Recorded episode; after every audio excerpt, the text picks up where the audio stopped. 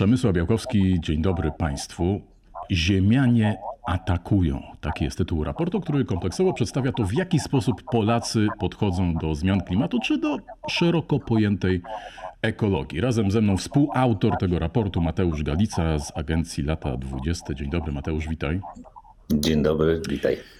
To ja podzielę się e, moją refleksją po przeczytaniu raportu. Czymś, co najbardziej mnie zainteresowało, a właściwie zdziwiło, to jest to, że ludzie w wieku Grety Thunberg, czyli symbolu młodzieżowego sprzeciwu wobec e, e, zmian klimatu i walki ze zmianami klimatu, w Polsce myślą sobie, eee, Mm, nic już nie zrobimy, może nie warto tam się wychylać.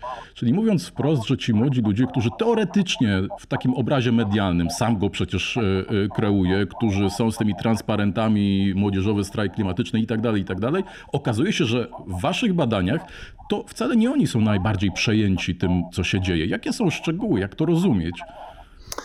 To prawda, to prawda, też się zdziwiliśmy. E, a pierwsze zdziwienie przyszło przyszło trzy lata temu, w 2019 roku, w tych jeszcze rozkosznych czasach niewojennych, nie, nieepidemicznych, kiedy, kiedy już zaczynało się mówić o kwestiach e, zmiany klimatu, kiedy już było po występie Grety Thunberg i po tych jej e, najostrzejszych protestach, kiedy już było po pierwszych strajkach klimatycznych w Polsce. Zresztą premiera tamtego raportu od, odbyła się w trakcie kolejnego strajku klimatycznego.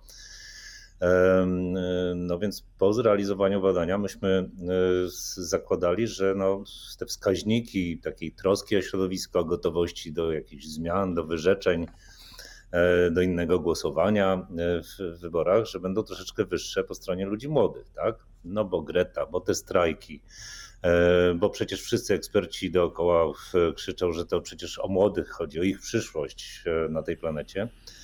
I wtedy to, co nas zdziwiło, to, to fakt, że nie zauważyliśmy żadnych, żadnych różnic, tak? że, że ci młodzi e, zachowywali się podobnie jak, e, jak starsi, nie byli bardziej skłonni do, e, do wyrzeczeń. Rok później powtórzyliśmy badanie, było podobnie, natomiast w tym roku po raz pierwszy rzeczywiście zdarzyło się zjawisko odwrotne do takich oczekiwań. No i wytłumaczenie jest dosyć proste. E, po pierwsze, jak sobie policzymy e, mm, liczbę osób uczestniczących w, w strajkach klimatycznych, no to tak, one oczywiście robią dużo hałasu i to są bardzo fajne wydarzenia. My poznaliśmy, poznaliśmy to środowisko, mm, robimy wspólnie warsztaty. E, natomiast to jest 1% młodych ludzi w Polsce. 1-2%, które 1-2 głośno słyszalnych procent, natomiast cała reszta jest uśpiona. I, I teraz e, spójrzmy na tę resztę. E, to jest pokolenie, powiedziałbym, e, które, którego oczekiwania zostały mocno zawiedzione. To jest pokolenie urodzone w momencie bardzo ostrego wzrostu, takiego rozpędu polskiej gospodarki, polskiej, polskiej takiej myśli państwowej ale przede wszystkim. To jest pokolenie, które już jest przyzwyczajone do dobrobytu i nie chce z niego rezygnować, czyli no, ten konsumpcjonizm tak, napędzony. To jest pokolenie, któremu obiecano dobrobyt i obiecano, że może być tylko lepiej, tak? ponieważ e, w ostatnich dekadach na świecie, a w ostatnich trzech dekadach w Polsce no Bóg usunął się troszeczkę na bok i mamy religię wzrostu. Tak? Wszystko ma rosnąć. Państwo ma rosnąć, PKB ma rosnąć, w rodzinie ma być coraz lepiej, firmy też mają rosnąć. Jeśli się mówi, że coś jest dla wzrostu, to w zasadzie ucina dyskusję, prawda? No i to pokolenie też zostało wychowane w, takich, w takim no, w dobrobycie, ale też w oczekiwaniu, że, że będzie miało lepiej. Następnie wylądowało na rynku pracy czy też jeszcze nie wylądowało, ale już, już zaczyna czuć nosem, jak ten rynek pracy wygląda. I okazuje się, że tak, śmieciowe umowy, słaby dostęp do służby zdrowia, zaniedbane takie podstawowe potrzeby socjalne. Dodatkowo zaczyna do nich docierać, bo ta narracja dopiero od kilku lat y, rośnie, że zamiast tego lepszego świata, który obiecywano, oni e, dostaną świat z efektami zmiany klimatu. Tak? No więc są dosyć mocno sfrustrowani. No i, w, i, i też cyferkami naszego, naszego badania mówią to wy jesteście odpowiedzialni za, za, za cały ten bajzel, za całe to bagno, które zrobiliście z, ze światem, za to ocieplenie, za to, że nagle mówicie teraz, że jest coraz gorzej, no to, to zróbcie coś z tym. E, to po pierwsze, a po drugie, e, no my w tej chwili mamy problem, żeby przyzwoicie zarobić i się utrzymać, tak? I to jest nasz, e, nasz podstawowy kłopot, a zmiany klimatyczne są gdzieś tam na zmiany klimatu na, na dalszym planie. Powiedziałeś, że ta grupa mocno zaangażowana jest widoczna, ale nieliczna. Ja się zastanawiam, czy tutaj jaką rolę odgrywa jeszcze jeden czynnik, który jest dosyć charakterystyczny do tego młodego pokolenia, czyli media społecznościowe, influencerzy, ludzie, którzy są jakimiś wzorami y, zachowań. I tutaj no, mam wrażenie, że akurat w tym środowisku kwestie troski o klimat, czy prawdziwe, czy udawane, ale jednak są dosyć y, mocno podnoszone. I to, to też nie jest rzecz, która mm, jakoś by wpływała na tych najmłodszych w takim razie są podnoszone i wpływa to na najmłodszych, natomiast wpływa na tę bańkę, która idzie na strajki klimatyczne, albo na tę część, która nie chodzi, ale zgadza się z tym, popiera. E, natomiast nie na wszystkich. No, w, w tym projekcie Ziemianie atakują wprowadziliśmy segmentację Polaków. Podzieliliśmy tych naszych ziemian na plemiona. Tak? I z jednej strony mamy plemiona aktywne, tam są nieczekajowie, takich nazwaliśmy, którzy generalnie myślą nie czekać, e, wprowadzać zmiany jak najszybciej. Oni są gotowi do wyrzeczeń. Tam jest sporo e, młodych ludzi właśnie z tej bańki, o której my teraz sobie rozmawiamy. No nie zgadnę, czy ale, ta bańka ale, jest ale, tak wokół świątyni opatrzności Bożej w Wilanowie. Nie zgadnę, że ta bańka tak się najlepiej krystalizuje wokół świątyni opatrzności Bożej w warszawskim Wilanowie. Czy, czy się mylę, czy niekoniecznie? Może nie wokół świątyni, ale, e, ale w warszawskim e, w Wilanowie. Mm, ale powiedziałbym, że ta bańka, że, że młodzi w tej grupie nieczekajów nie są specjalnie nadreprezentowani, że ich jest e, mniej, że ten podział jest proporcjonalny do, do podziału społeczeństwa, jeśli chodzi o demografię. Natomiast tam, gdzie jest nadreprezentacja młodych, to jest grupa wręcz przeciwna. To jest grupa, nazwaliśmy ich bezściemianie, którzy mówią, to jest jakaś ściema, to, to, to, to jest jakaś narracja wywołana, nie wiem, przez, przez Niemcy, przez korporacje, przez tych, którzy chcą zarobić na wiatrakach, no nie wiadomo czym. I tutaj mamy nadwyżkę młodych, z tym, że są to młodzi raczej, często młodzi panowie i często z mniejszych miast. No to jeśli my teraz sobie wyobrażamy młodych przez pryzmat e, uczestników strajku klimatycznego w Warszawie czy we Wrocławiu, to to są zupełnie inni młodzi niż młodzi gdzieś e, w Gorzowie, w małych miejscowościach, we Włodawie, e, którzy uruchommy sobie teraz wyobraźnię, w jaki sposób oni spędzają czas, szczególnie, szczególnie młode chłopaki. Oni raczej tam nie organizują strajków klimatycznych. Zostawmy już tych młodych, bo się tak e, przyczepiliśmy do nich. Chciałbym, żebyśmy teraz E, wspomnieli o czymś, zdaje się od tego zacząłeś, że trochę się zmieniały te, e, te raporty, bo przyszło nam żyć w takich to bardzo dynamicznych, powiedziałbym delikatnie, czasach, czyli pandemia i wojna, coś co bez wątpienia wpłynęło na życie nas wszystkich. A jak wpłynęło na postrzeganie kwestii związanych właśnie z, ze zmianami klimatu czy z ochroną środowiska? Jak, czym jeszcze różnią się oprócz podejścia młodych te edycje raportu? Mhm. No to tak, w 2019 roku zapytaliśmy ludzi o największe problemy, które, największe wyzwania, przed którymi stoi świat. No bo chcieliśmy porozmawiać na samym początku tego badania, zaczęliśmy rozmawiać sobie o problemach globalnych. Um, ogólnie co, tej, co na tej naszej planecie się dzieje. No więc największym wyzwaniem, największym problemem była, e, było niebezpieczeństwo wojny i konfliktów zbrojnych, wskazywane przez ponad połowę badanych, z 55 czy 57%, nie pamiętam. Natomiast tuż za nimi y, uplasowały się zanieczyszczenie środowiska, potem zagrożenie terroryzmem. Pamiętamy, były takie czasy, kiedy głównie baliśmy się terroryzmu. Teraz jakoś o tym się nie mówi. E, I następnie zmiana klimatu. I to nas bardzo zdziwiło, bo tak jak strach przed wojną jest hodowany, można powiedzieć, z dziada pradziada. Babcie wnukom opowiadały o, o okrucieństwach wojny każdy musiał przebyć przynajmniej tę podstawową edukację, gdzie też się naczytał, jakie tu straszne rzeczy na tych ziemiach wskutek wojen się działy. I to nas zadziwiło wtedy, że zmiana klimatu została postawiona tak, tak wysoko. Zmiana klimatu, która wywodzi się z nauki o, o klimacie, która w zasadzie ma kilka dekad. Wojny towarzyszą nam od tysiącleci. Problemy klimatyczne zostały w zasadzie no, w Stanach w 70 latach poruszone po raz pierwszy na bardziej masową skalę, ale szybko o nich zapomniano. W momencie, kiedy wyprowadziliśmy cały brudny przemysł gdzieś tam na drugą połówkę globu. No i i to było zdumiewające. Potem e, powtórzyliśmy badanie po pierwszej fali pandemii. Wtedy było jeszcze najmniej zgonów, ale myśmy e, emocjonalnie i mentalnie naj, najciężej ją przeżyli. To był, przypominam, ten czas, kiedy pierwszy raz zetknęliśmy się z lockdownem, z tymi żandarmami i policjantami na ulicach, którzy zaganiali do domów.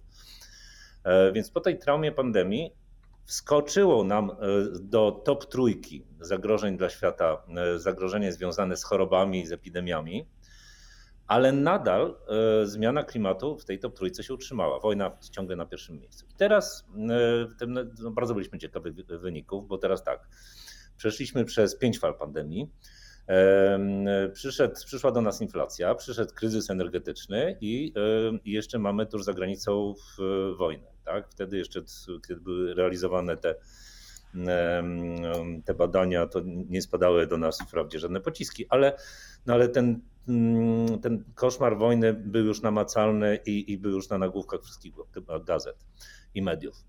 No więc y, cóż, niebezpieczeństwo wojny, to, to, zagrożenie wojną wzrosło, natomiast zmiana klimatu ani drgnęła. Czyli proszę, proszę zauważyć, my sobie też sprawdzamy y, razem z Instytutem Monitorowania Mediów, jak często różne tematy są poruszane w mediach. No i umówmy się, że.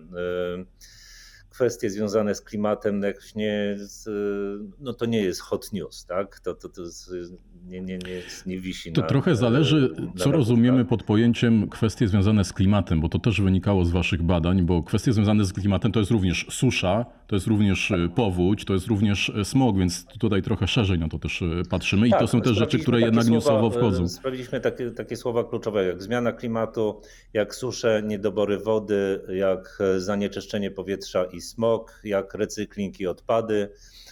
Czyli te, te, wszystkie elementy, które wyłoniliśmy na samym początku, jeszcze przy pierwszym projekcie, wraz z ekspertami klimatycznymi, jako top 5 problemów dla Ziemi. Bo te top 5 problemów, a i to jest następna ciekawostka. Te top 5 problemów e, to jest e, tak, po pierwsze e, globalne ocieplenie, czyli zmiana klimatu wynikająca z emisji gazów cieplarnianych. Po drugie zanik bioróżnorodności, no fakt, że przez ostatnie 40 lat straciliśmy 70% gatunków na Ziemi. Po trzecie zanieczyszczenie powietrza, po czwarte problemy z dostępem do wody pitnej i po piąte mm, kwestia plastiku i odpadów. I tutaj też taki społeczny odbiór tego, tych problemów jest zupełnie wykrzywiony. Patrzymy na to na wspak, ponieważ jak się zapyta ludzi o kwestie związane ze środowiskiem, z tym, czy żyją w zgodzie z potrzebami środowiskiem, to takie pierwsze słowa, których, które się pojawiają w ich odpowiedzi, tak, tak, ja sortuję śmieci, ja nie używam plastiku. Teraz mamy wielką fobię, ale z czego to wynika? No z ustaw, które rząd przyjął, że, żeby sortować śmieci, że sprawdzamy, czy coś jest plastikowe, czy nie plastikowe, że, że rurka w knajpie to już absolutnie musi być papierowa albo z makaronu. I, jest sporo ludzi, ze 25% w tej chwili, która uważa, że w ten sposób naprawdę robi dobre rzeczy i zaspokaja swoje wyrzuty sumienia. Natomiast jak zapytaliśmy naukowców, ekspertów klimatycznych, oni powiedzieli nam krótko: plastiku jest za dużo w oceanach i w mediach. I plastik przysłania realne problemy klimatyczne wynikające ze zmiany klimatu, realne problemy, które mogą uruchomić to domino, którego się nie da, nie da już powstrzymać. A dwa podstawowe problemy to jest emisja gazów cieplarnianych, które raz wyemitowane zostaną, bo mówi się, że plastik 500 lat się rozkłada. Te gazy zostaną przez wiele tysięcy lat i e, trudno je będzie wypompować z tej atmosfery. E, a druga sprawa to jest zanik bioróżnorodności, tych wszystkich łańcuchów połączeń pomiędzy małymi, większymi, dużymi organizmami, które no, jakoś dla ludzi w miastach są niedostrzegalne. Czasami niektórzy podróżując latem między miastami e, zaczynali zauważać, że ostatnio jakoś mniej owadów jest na szybie, jak, jak się latem e, szybko jedzie. Ale niespecjalnie dostrzegamy, bo, bo w miastach jest i było podobnie, a jak sobie włączymy telewizor i poglądamy film Davida Attenborough, jak piękne rybki pływają sobie pod oceanem, albo piękne niedźwiedzie chodzą gdzieś tam za kołem podbiegunowym, to nam się wydaje, że ten piękny, dziki świat cały czas istnieje. Natomiast on pada w zastraszającym tempie. No i to jest chyba ta różnica między e, tymi innymi zagrożeniami, o których e, mówiłeś. No, wojna, jak wygląda, e, no, każdy może sobie wyobrazić. Widział to, tu nie trzeba wielkiej wyobraźni, natomiast spadek czy utrata bioróżnorodności, no to nie jest rzecz, którą możemy zaobserwować w taki prosty sposób własnym okiem. I, i, i chyba tutaj leży problem. Natomiast ciekawa rzecz jeszcze do, do tego plastiku, oczywiście, e, natomiast ja mam jeszcze wrażenie, że jeden, e, jedną rzecz możemy co do tego, no niech będzie plastiku powiedzieć, to jest to, że segregacja, okay, no bardzo fajnie, lepiej segregować niż nie segregować, ale najlepiej to by było tyle go nie używać i tym samym tyle go nie produkować. To jest też trochę taka różnica między e, głęboką i płytką ekologią. Chciałbym, żebyśmy przeszli teraz e, trochę, e, trochę dalej, no bo e, raport, te jego główne założenia, o tym już rozmawialiśmy, czy jego wnioski. Mm, natomiast no, pytanie brzmi, co dalej? Kto go przeczyta? kto i co może z nim zrobić, bo e, wy kierujecie te swoje raporty oczywiście do takich odbiorców zainteresowanych, e, świadomych, ale też e, konkretnie do biznesu, do samorządów. No i tutaj zastanówmy się, podzielmy to z jednej strony. Niech będzie, że najpierw biznes. Czy w tej chwili są jeszcze firmy, Mówię o takich trochę większych y, firmach, no bo korporacje to już chyba nie ma żadnych wątpliwości, które nie mają y, działów, komórek czy ludzi odpowiedzialnych za odmieniane teraz, powtarzane na każdej konferencji ESG, CSR, za, czy, czy mówiąc y, po polsku za ekologię czy ochronę środowiska. Jak, jak to działa, jak to teraz funkcjonuje właśnie w obszarze biznesu? Oczywiście, że są takie firmy. No jak to mówił e, mój tata Góral, to jest niezorana rola wciąż jeszcze. E, o tym się dużo mówi znowu w pewnej bańce wśród dużych firm, które są zobligowane prawnie przez, przez rozporządzenia Komisji Europejskiej i chcąc prowadzić takie globalne czy też europejskie działania, no to muszą wykonywać pewne, pewne działania w obszarze zrównoważonego rozwoju, czyli tego ESG, jak mówisz. Natomiast no, wydaje mi się, że jesteśmy naprawdę na początku tej drogi. Stąd zresztą ten raport. No, to już 4 lata od momentu, kiedy ja sam dostałem swego rodzaju depresji klimatycznej pomyślałem, już rany boskie, co tu się dzieje. Zacząłem wczytywać się już po, po poważniej w raporty IPCC, w, głos nauki, a nie w social media. I e, dotarło do mnie, że no, jest kiepsko. No, na szczęście to trwało krótko. Stwierdziłem, że um, trzeba wykorzystać to, że pracuję. Pracowałem wówczas w Kantarze, czyli w firmie badającej w agencji badawczej stwierdziłem w zasadzie, ja mam dostęp do wszystkich Polaków, żeby ich zapytać o zdanie, ale mam też dostęp do, nie wiem, 80% największych firm, instytucji, rządu i tak dalej w Polsce. No więc y, Ziemianie atakują to był raport, y, śmiejemy się, że to był raport mm, w odpowiedzi na zapytania ofertowe, które nigdy nie nadeszło. Hmm. Zdaliśmy sobie sprawę, że wszyscy nas pytają o prognozę, no bo badania mają dać pewną prognozę, żeby prowadzić biznes, czy też, czy też nie wiem, miasta, instytucje. E, zdaliśmy sobie sprawę, że wszyscy nas pytają o prognozę na jutro. Prognoza na jutro to jest 25 stopni i słoneczko. Natomiast jak się poczyta, e, używając dalej tej metafory e, ekspertów klimatycznych, to prognoza na za dwa tygodnie to jest naprawdę potężne tornado. Tylko nikt jakoś się o to nie pyta. Stąd ten raport i on został właśnie skierowany do firm, do dużych podmiotów, żeby coś zmienić. Mieliśmy taką hipotezę, ona potwierdziła się w badaniu, gdzie okazuje się, że ludzie czują się zbyt mali, żeby samodzielnie wprowadzić zmiany i uważają, że powinny to zrobić przede wszystkim rządy, ale ten, to zaufanie na przykład widać przez te trzy fale raportu do rządu troszeczkę topnieje. Albo duże firmy, czyli silni przywódcy działający czy, czy, czy na poziomie politycznym, czy biznesowym, którzy po prostu mogą zmienić sposób, e, sposób działania. To, co się dzieje złego, to że mm, no szczególnie biznes no dokonał czegoś takiego, udało się dokonać czegoś takiego, że tak jak bodajże 100 największych firm na świecie generuje 80% całych tych emisji, to udało się rozpocząć taki proces zrzucania odpowiedzialności na konsumenta, tak? że to, to ty się zmień, ty przestań używać tego plastiku i tak dalej, ale z drugiej strony lecą reklamy kupuj, kupuj, kupuj, kupuj, kupuj więcej. Tak naprawdę Udało się stworzyć jeszcze takie to, pojęcie żeby... jak greenwashing. Udało się jeszcze stworzyć takie pojęcie jak greenwashing. Wiesz co, to tak jak, tak jak powiedziała um, Olga Tokarczuk, nam się nie, y, nie udało znaleźć nowego porządku świata. My mamy w tej chwili y, porządek świata oparty na, mm, na obrocie pieniądza i na kapitalizmie i w ten sposób to wszystko pracuje i w ten sposób to mobilizuje te, te wszystkie trybiki globalnej maszyny do, do pracy. To, że ten wzrost jednak ma być. No, wzrost pochodzi w tej chwili głównie z, z paliw kopalnych, efekty ma e, w formie, e, w formie emisji. Dlatego jak my mu zastanawiamy się o tym, e, w jaki sposób prowadzić narrację wokół zrozumienia zmiany klimatu, no na przykład pracujemy sobie ze, ze szkoły ekopoetyki, e, prowadzoną między innymi przez e, Filipa Springera. I oni tam w programie dosyć dużo czasu e, poświęcają marksizmowi, ponieważ mówią, że to był ostatni moment w dziejach historii nowożytnych, kiedy ludzie na taką bardziej zorganizowaną, masową skalę zaczęli myśleć nad alternatywnym ładem, nad alternatywnym sposobem urządzenia świata to się nawet zaczęło udawać. Potem zostało strasznie niemiłosiernie zwichrowane i wykrzywione. Jak się skończyło, to wiemy. Natomiast to był ostatni moment, kiedy na świecie zaistniała jakaś taka duża idea. No i teraz my mamy problem z tym, że nasza idea oparta na kapitalizmie i na wzroście, no nie, widzimy, że nie do końca, że zaczyna buksować, tak? że, że może nas samych zjeść. W związku z tym trzeba wymyślić jakąś następną ideę. Na razie jeszcze jej nie ma. Na razie nikt tego nie wymyślił.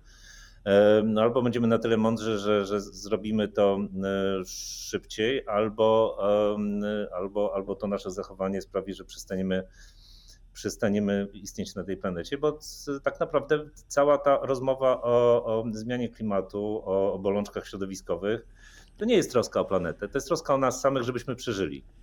Bo planeta sobie poradzi. Ona nie takie rzeczy przeżyła jak, jak my. I, I jak my wymrzemy, to ona jakoś tam się odrodzi, jakoś sobie poradzi. Natomiast to jest, to jest walka o to, żebyśmy my mieli przynajmniej przyzwoity scenariusz e, na przyszłość. No jak, jak firmy się w to wpisują? Myślę, że nie wiem, jednoprocentowy e, według mnie e, odsetek firm rzeczywiście poważnie, odpowiedzialnie planuje zrównoważony biznes. Większość robi to dlatego, że mają nad sobą bacik prawodawcy, czyli zauważmy, że po 30 latach takiego kultu wolnego rynku, już to konsument rządzi, w tej chwili prawdziwe zmiany nie, nie wychodzą z analizy potrzeb konsumenta, bo konsument, jak widzimy w Ziemianach, swoją wiedzę na temat środowiska ma na dwójkę z plusem, tylko, ta, tylko te zmiany w firmach y, idą jako efekt działań w naszym wypadku Komisji Europejskiej Tutaj branża motoryzacyjna jest chyba świetnym przykładem tego i zakaz sprzedaży aut z silnikami spalinowymi. No, jest konkretna data, są przepisy i nie ma zmiłuj. Tak, tak, tak. No, to, są, to są tego rodzaju przepisy, one oczywiście idą zbyt wolno. Myślę, że rolą, rolą tego raportu, tego całego projektu Ziemienia Atakują jest jest pomoc w tej chwili firmom. No my się tym zajmujemy. Po to powstały lata 20, tak? Skąd ta nazwa? No myśmy stwierdzili, że, z jednej strony jest analogia do lat 20 100 lat temu, kiedy też lało się wino, jazz, technologie, gramofon, radio, samochód, ludzkość zachwycona i nagle przyszedł wielki kryzys. No i my mamy, stwierdziliśmy, że mamy znowu lata 20 i jeszcze większy kryzys w zanadrzu. E, więc postanowiliśmy po prostu pomagać, wykorzystując tą wiedzę z, z ziemian i nie tylko. Firmom, miastom, z miastami nam się bardzo też, też fajnie pracuje. Miasty patrz, miasta patrzą bardziej do przodu niż, niż jednak biznes. Pomagać w tej dziedzinie, w której ludzie nie mają przygotowania, no bo w dziedzinie, nie wiem, marketingu, PR-u, finansów, dystrybucji, to biblioteki i internet aż się ugina od know-how, od dorobku, od tak zwanych case studies, a w dziedzinie wprowadzania mądrych, zrównoważonych zmian my mamy czystą kartkę. Także to trzeba wymyślać tu i teraz i, i, i, po, to jest, po to jest ten projekt, żeby, żeby pomóc zrozumieć te procesy, pomóc też zrozumieć, jak ludzie na to patrzą. Przy okazji tego, co mówiłeś o, o biznesie, zrobiło się tak trochę filozoficznie, ale y, wspomniałeś też o miastach, o, o samorządach i to mnie ciekawi, na ile Jakie tu są intencje? Bo e, tak jak sobie myślę o, o, przeciętnym samorządzie, no to jest od wyborów do wyborów. No, czy takimi decyzjami, nie wiem, inwestycjami ekologicznymi wygrywa się wybory, zostawia się jakiś pomnik, zjednuje się wyborców, czy można to zrobić w tej w tym cyklu e, kadencji uzyskać jakiś odczuwalny czy zauważalny efekt? Wiesz co, ja ci powiem, że w porównaniu z biznesem miasta i tak mają lepiej z tą czterolatką, bo biznes ostatnio przeszedł z planowania wieloletniego na, na roczne, a wręcz kwartalne, bo, bo mamy teraz czas tak zwanego real-time marketingu. Więc mniej jest tego myślenia perspektywicznego. Natomiast w miastach, e, ja myślę, że miasta w tej chwili, niektóre już bywają, ale ogólnie miasta mogą być e, awangardą takiego myślenia o zmianach, ponieważ miasta mają bardzo złożony i kompleksowy mm, e, mm, obszar działania. Tak? Firma, jeśli sprzedaje napoje, no to zaspokaja tylko potrzeby napoju, a sprzedaje samochody, no to jest w obszarze samochodów i przemieszczania się. A miasto ma wszystko. Miasto to jest zaspokojenie potrzeb mieszkańców od A do Z. Ja myślę, że takim głównym motywatorem, jeśli chodzi o, o działania miasta, jest to, no jak, jaki jest cel miasta, włodarzy miasta, utrzymać swoich mieszkańców. Miasta, którym się nie udaje, to są miasta wyludniające się. Miasta sukcesu to są miasta, do których ściągają mieszkańcy. I teraz tak, mi się wydaje, że jeszcze niedawno, no rzeczywiście masz rację, nie wygrywało się wyborów absolutnie takimi, takimi hysłami i nadal się nie wygrywa y, i nie wygra, myślę, wyborów, ale myślę, że coraz bardziej, już zresztą po to są zrobieni ziemianie, żeby pokazać, na ile ludzie są wrażliwi na kwestie związane z pewnymi zagrożeniami. Mamy za sobą bardzo fajną, e, znaczy za sobą, cały czas współpracujemy z Rybnikiem. To jest miasto, które w tej chwili ma e, około 40% zatrudnienia w przemyśle górniczym i okołogórniczym. Tam wokół jest pełno kopalni. To miasto powstało na węglu dawniej, 200 lat temu to były stawy. E, I natomiast w tej chwili to jest absolutnie miasto, miasto górnicze, centrum aglomeracji rybnickiej. No i my z nimi pracujemy nad strategią rozwoju tego miasta do 2050 roku, wyobrażając sobie w tym 2050 roku, że nie ma już, przemysłu, nie ma już przemysłu górniczego, tak? Wiedząc, że jeśli zrobimy jakieś raptowne zmiany, no to to będzie bunt, krzyk i tak dalej.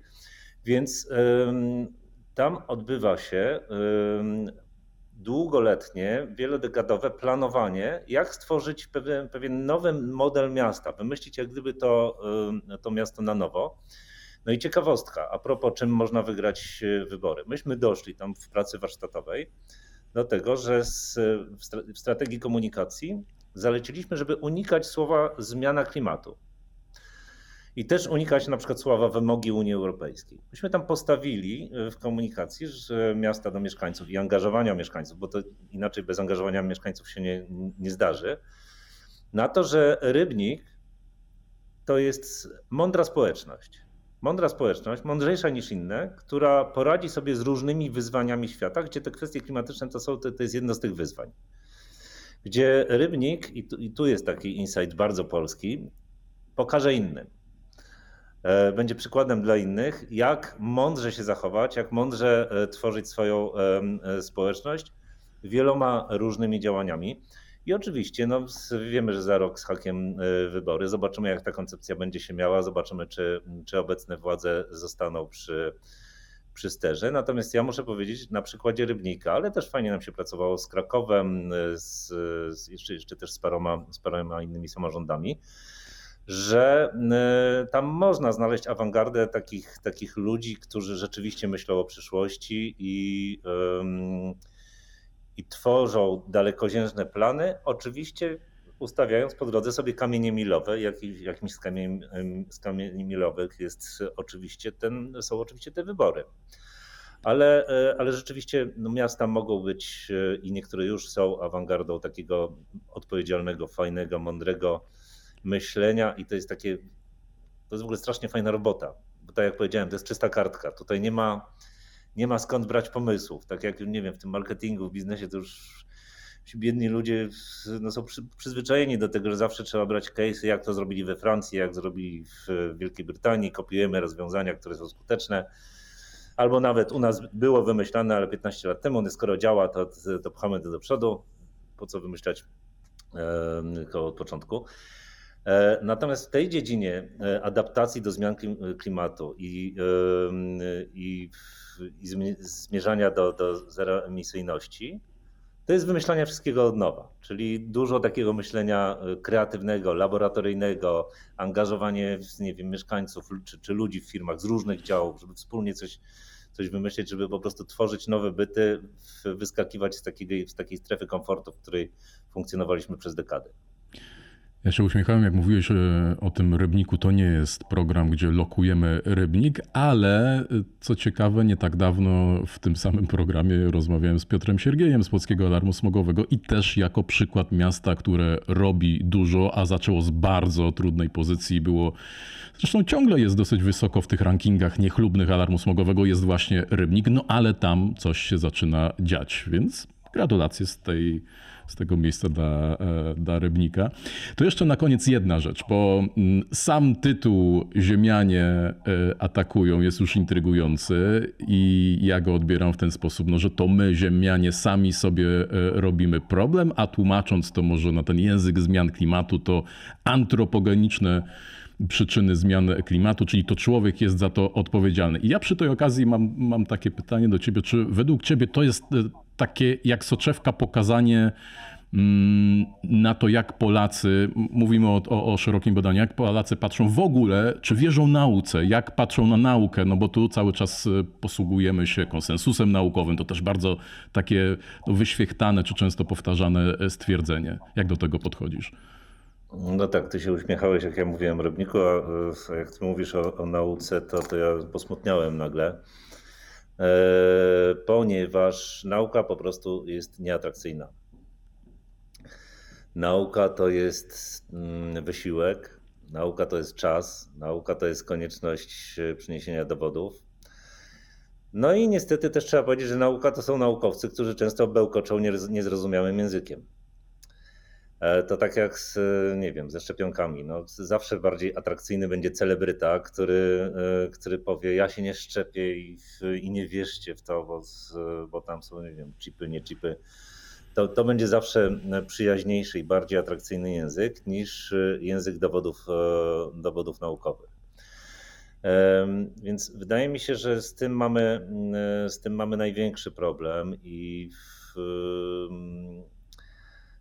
Pierwsi Ziemianie y, byli mniej, między innymi, i zresztą nie tylko pierwsi, cały czas ten raport y, jest, zauważ, że on jest, no nie chcę tutaj y, być nieskromny, ale staraliśmy się, żeby on był atrakcyjny i czytelny, tak? żeby, żeby to nie było kolejne opracowanie naukowe, gdzie widzisz setki stron jakieś tabelki i tak dalej, tylko tam e, bardzo, bardzo dużo, e, począwszy od okładki, od tego ziemianina naszego narysowanego przez Kamila Targosza, e, przez, przez ten krótki filmik, który przeczytała nam Krystyna Czubówna, po pewną poetykę tytułów używaną w raporcie. Staramy się, żeby to było żeby to było sugestywne, łatwe w odbiorze. Tam podglebie jest bardzo naukowe. To, to jest oparte naprawdę na setkach poważnych źródeł. Natomiast e, główna robota przy, przy tym raporcie to było, żeby te źródła i wiedzę społeczną, wiedzę badawczą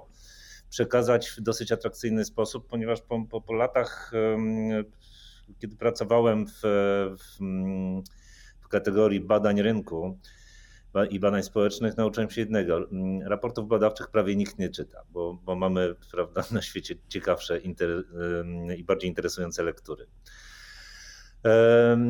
Myślę, że razem na przykład współpracując z, z UNGC, e, czyli z, z taką agendą ONZ-owską e, skupiającą się na współpracy z biznesem, udało nam się uruchomić e, projekt edukacji klimatycznej, czyli zostały opracowane takie rekomendacje dla, dla polityków, w jaki sposób uruchomić edukację klimatyczną w szkołach, bo w tej chwili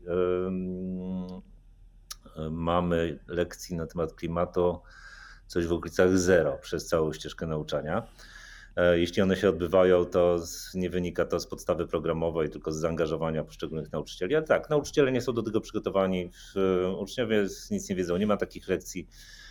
Więc e, rzeczywiście no, podejście e, mm, przez naukę i zrozumienie nauki jest tutaj dużym problemem, natomiast w tej chwili już nie ma czasu, żeby to sobie tłumaczyć. Czy my mamy naprawdę tę dekadę, nawet nie 10 lat, tylko czas do końca tej dekady, żeby załatwić sobie zły scenariusz. Dlaczego mówię zły?